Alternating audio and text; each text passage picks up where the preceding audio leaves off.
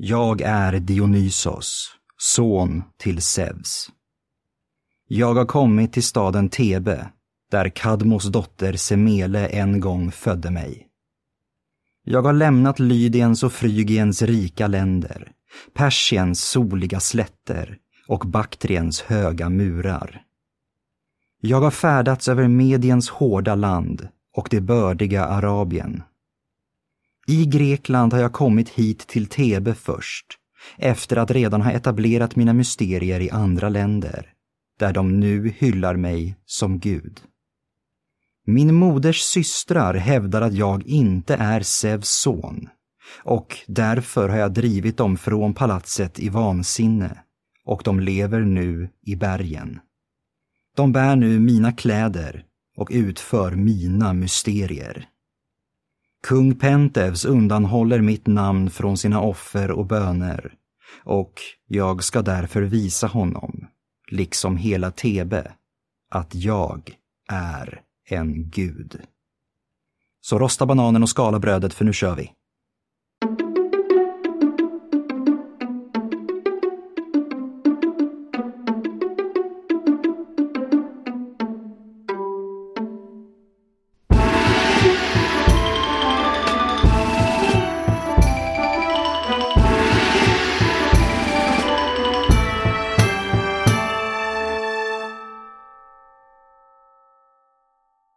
Hej och välkomna till Podius Castus, en podd om antiken. Jag heter Adam och detta minisnitt kommer att handla om Euripides Bakanterna. Euripides var en atensk tragiker som levde under 400-talet före vår tideräkning. Tillsammans med Aeschylus och Sofokles är han en av de tre antika grekiska tragiker med verk som överlevt till fullo in i våra dagar. Det är oklart exakt hur många teaterpjäser som Euripides skrev, men vissa antika källor uppskattar det totala antalet till 95 stycken. Av dessa har 18 eller 19 överlevt mer eller mindre kompletta. Det finns därutöver flera fragment, varav vissa är omfattande, från de flesta andra av hans pjäser. Fler av Euripides verk har överlevt intakta än sådana skrivna av Aeschylus och Sofokles tillsammans.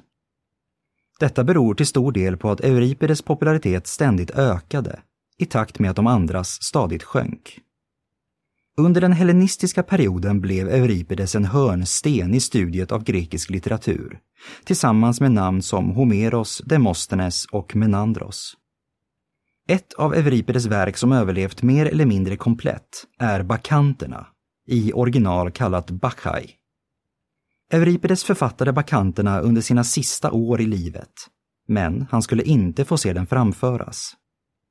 Bakanterna gjorde premiär i Aten år 405, knappt ett år efter Euripides död, och den vann första pris i den så prestigefyllda stadsdionysian. Dionysian var en av de mest centrala religiösa festivalerna i det antika Aten.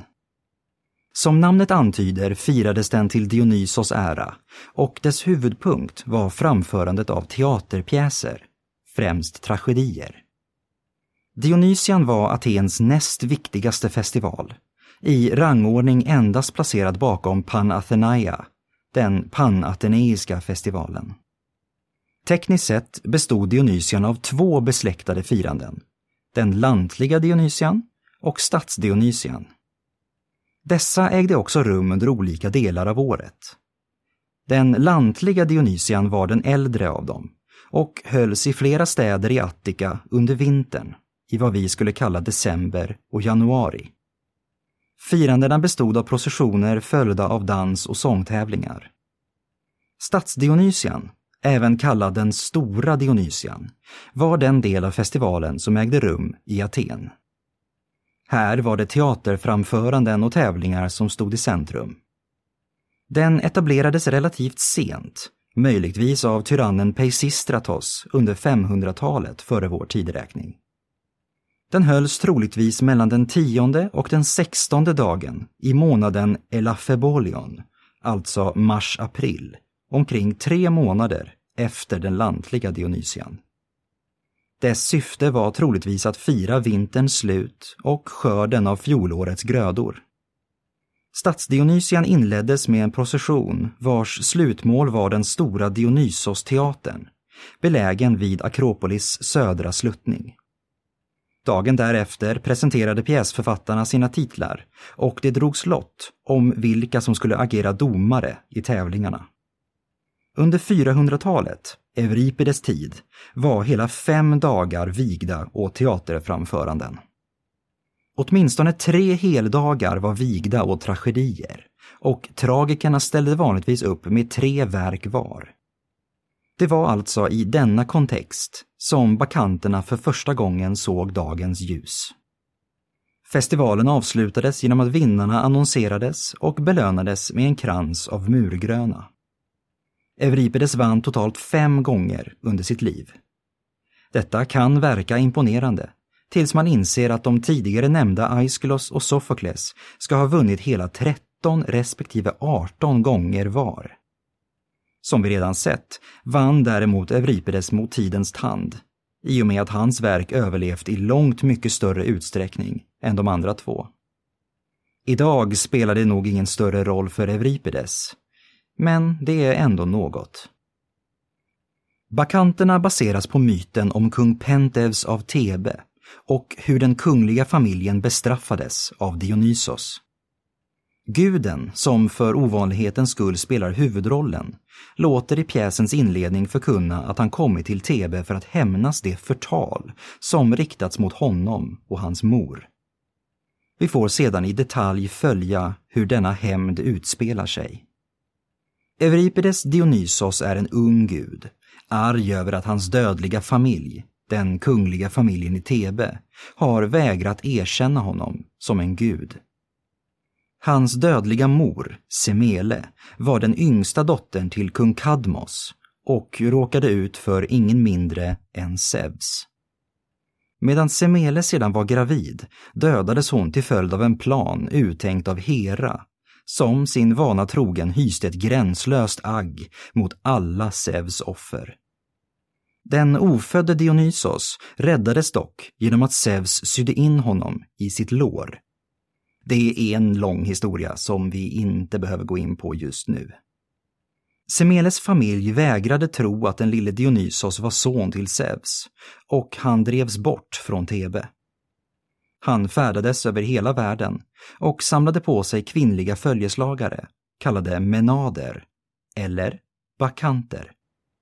Vid pjäsens början har Dionysos återvänt hem förklädd som en främling, för att utkräva sin hämnd på dem som förtalat och förvisat honom. Bakanterna anses inte bara vara en av Euripides främsta tragedier, utan också en av de främsta någonsin.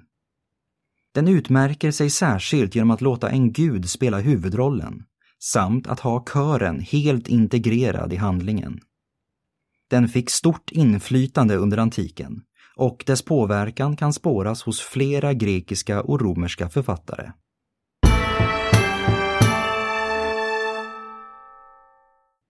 Bakanterna tar sin början in media res, i staden Thebe. Dionysos träder fram, förklädd och maskerande sin gudomliga natur. Han tar till orda och berättar om sin födelse och varför han nu återvänt till Thebe. Han förklarar att den kungliga familjen vägrar tro på honom när han säger att han är en gud och att de kallat hans mor för lögnare. Dionysos har därför drivit stadens kvinnor, däribland Dionysos mostrar, till galenskap och de befinner sig alla utanför stadsmurarna. Uppe på det närliggande berget Kithairon dansar de i extatiska ritualer och utför helt omedvetet Dionysos mysterier.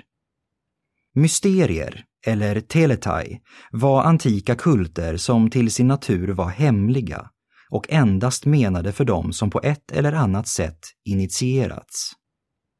Den mest kända mysteriekulten under antiken var Demeters och Persefones mysterier, som ägde rum i Eleusis. Dionysos berättar att han är i Thebe för att bevisa sin gudomlighet och för att etablera sin mysteriekult i staden. Kungen av Thebe är Pentevs, son till Agave, som är syster till Semele, vilket gör att Pentevs och Dionysos är kusiner.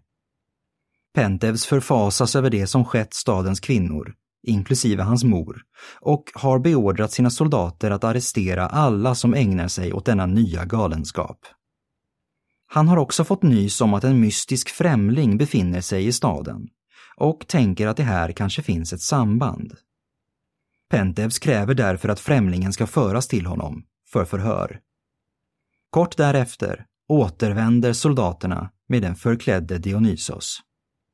Pentevs förhör Dionysos om vad han gör i Tebe, men gudens svar är kryptiska och tjänar bara till att göra Pentevs ännu argare. Han låter tortera sin fånge, men inser snart att det är omöjligt. Främlingen går inte att skada. Kungen låter därför kedja fast Dionysos i palatsets stall. Men Dionysos bryter sig loss och palatset drabbas plötsligt av jordbävningar och eldsvådor. Pentevs, som nu är högst förvirrad, undkommer katastrofen men nås samtidigt av oroande nyheter från bergen. En herde berättar att han varit ute med sin flock när han såg Tebes kvinnor. De betedde sig oerhört märkligt. De vandrade planlöst i skogen, diade vilda djur, fyllde håret med ormar och dansade och sjöng. När herden närmat sig dem blev de som besatta och jagade bort honom. Kvinnorna slängde sig sedan över herdens djur och slet dem i stycken med sina bara händer. Pentevs, vars psyke är på bristningsgränsen, planerar att anfalla kvinnorna med sina soldater. Men Dionysos, fortfarande förklädd, övertalar Pentevs att överge den planen och erbjuder istället ett alternativ. Han säger att det vore bättre om Pentevs först spionerade på kvinnorna. Utan att Pentevs vet om det har Dionysos förtrollat honom och han känner sig fullständigt oövervinnelig samtidigt som Dionysos leder honom ut ur staden. På berget klättrar sedan Pentevs upp i ett träd för att kunna se bättre. Dionysos låter nu spela ut sin hämnd. Han böjer trädet ner mot marken och kallar på kvinnorna. Ledda av Agave och hennes systrar rycker de Pentevs ur trädet och sliter honom i små bitar. Väl tillbaka i Tebe går Agave stolt till sin far, den ålderstigne Kadmos, och visar upp vad hon i sitt gudomligt förställda tillstånd tror är ett lejonhuvud. Hon blir därför helt ställd när Kadmos reagerar med fasa och avsky och vägrar glädjas med henne. Agave ropar istället efter Pentevs. Han skulle säkert bli stolt och imponerad över sin mors jaktlycka. Men nu börjar Dionysos inflytande över henne att falna. Och hon inser att det inte är ett lejons huvud hon håller i sina händer. Kadmos inser familjens misstag samtidigt som Dionysos nu uppenbarar sig i sin sanna, gudomliga och fruktansvärda form. Han låter landsförvisa sina mostrar från Tebe och förkunnar att Kadmos och hans fru Harmonia, hans morfar och mormor, ska förvandlas till ormar. Dionysos hämnd är fulländad och med sitt följe drar han vidare från Tebe för att fortsätta sprida sina mysterier.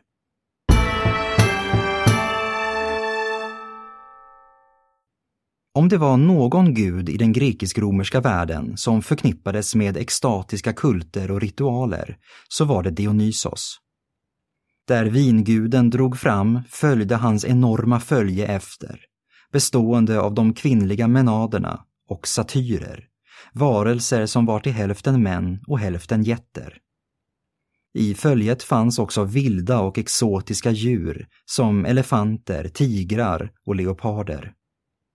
Myterna kring Dionysos och hans menader, såsom myten med kung Pentevs, reflekterade en högst verklig form av extatisk kult, som är relativt väldokumenterad i det antika källmaterialet. Vid sidan om de större statsfinansierade festivalerna, såsom den atenska Dionysian, dyrkades även Dionysos av mindre grupper, vars ritualer innefattade dans, sång och vilda firanden om natten ute på landsbygden. De tragiska händelser som skildras i Bakanterna är samtidigt den mest detaljerade skildringen av dessa högst verkliga mysteriekulter till Dionysos. Det ska dock sägas att Euripides troligtvis inte själv sett det han beskriver, men hans skildring har stöd i andra källor som beskriver de faktiska kulterna. Att bakanterna utspelas i Thebe är viktigt av främst två orsaker. Dels är det ett klassiskt drag inom grekisk tragedi att låta Thebe stå i centrum när handlingen rör härskare som tar katastrofala beslut. Men desto viktigare är att Thebe vanligtvis ansågs vara den stad där Dionysos mysterier först praktiserades. Under pjäsens gång poängterar kören, som består av Thebes kvinnor, fördelarna med mysterierna. De som anslöt sig till Dionysos allra hemligaste riter fick en lyckligare tillvaro på jorden. Dessa grupper av dyrkare kallades vanligtvis theasoi. Denna term används också i bakanterna för att beskriva de kvinnor som dansade på berget Kithairon. Det finns flera inskrifter från städer runt om i den grekiska världen som nämner sådana följen. Grupper som om natten gick ut i naturen för att fira Dionysos med hemliga riter. Centralt för dessa riter verkar vara just bergen, platser som ofta rent allmänt höll en särskild religiös kraft. Flera av dessa inskrifter nämner enbart kvinnor, som efter mytologin kallas antingen menader eller just bakanter. Flera antika författare, däribland Diodorus Siculus och Pausanias, betonar att Dionysos mysterier var riktade mot just kvinnor, särskilt vad gäller de mer extatiska delarna, såsom de vilda danserna. Det verkar som att riterna på berget utgjorde själva mysterieelementet, det som endast kunde ses och deltagas i om man var initierad. Som vi vet var ju detta även fallet i bakanterna. Herden och Pentevs blev ju båda anfallna när de försökte se vad som pågick. Men de hemliga riterna kunde dock föranledas av en offentlig procession och djuroffer. Denna kombination av publika och hemliga ritualer har också paralleller i andra mysteriekulter, till exempel de tidigare nämnda elevsinska mysterierna. I bakanterna beskrivs händelserna på berget som att kvinnorna försänkts i ett närmast djuriskt tillstånd. De klädde sig i skinn och pälsar och åt kött direkt från det döda djuret. I en bredare betydelse kan detta tolkas som en distansering från det civiliserade livet i staden och ett närmande till naturen. Firandet av Dionysos mysterier blir då till en sorts flykt från stadens liv med sina normer och lagar för att en stund kunna få existera i ett sorts tillstånd av total frihet. Med tanke på det strikt patriarkala grekiska samhället kanske det inte var så konstigt att Dionysos mysterier föreföll attraktiva för just kvinnor. Kopplingen mellan Dionysos och okontrollerat beteende är inte särskilt svår att förstå. Han var vinets gud och alkohol bryter ner våra mentala spärrar och kan potentiellt leda till vilda handlingar. Men det är otroligt viktigt att poängtera att intagandet av alkohol i samband med hyllningar till Dionysos verkar ha varit ett exklusivt manligt beteende i den grekiska världen. Det kanske främsta exemplet på detta är Komos, den vilda procession och dans på stadens gator som kunde tjäna som avslutning på ett symposion. Ett symposion som ju i sin tur var riktat mot fria män. Men alkoholens effekter, extasen, desorienteringen och nedbrytandet av mentala spärrar kunde uppnås genom andra medel och fortfarande tillhöra Dionysos. På sätt och vis skulle man kunna säga att det var just dessa effekter som tillhörde gudens domän, snarare än de kemiska och fysiska komponenterna som var involverade i drickandet av vin. Genom frenetisk sång och extatisk dans försökte grupperna av Theasoi att uppnå ett transliknande tillstånd som tillät dem att komma i kontakt med Dionysos. Genom sin koppling till teatern var också Dionysos associerad med masker. Maskens syfte var självklart att dölja den person som bar den och i bakanterna anländer ju dessutom Dionysos i Tebe under förklädnad. Genom Dionysos mysterier fick hans följeslagare chansen att se honom utan mask. Samtidigt som de själva fick möjligheten att för en stund kasta bort sina egna masker.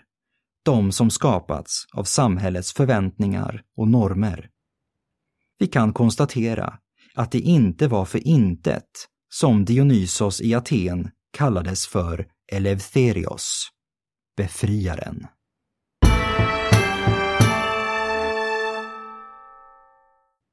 Jag heter Adam och ni har lyssnat på Podius Castus, en podd om antiken. Vill ni veta mer om Dionysos kan ni lyssna på minisnitt nummer 12 och vill ni veta mer om de elevsinska mysterierna kan ni lyssna på minisnitt nummer 2. Följ oss gärna på Facebook och Instagram och vill ni komma i kontakt med oss kan ni även göra det på podiuscastus@gmail.com. Tack för mig och på återhörande.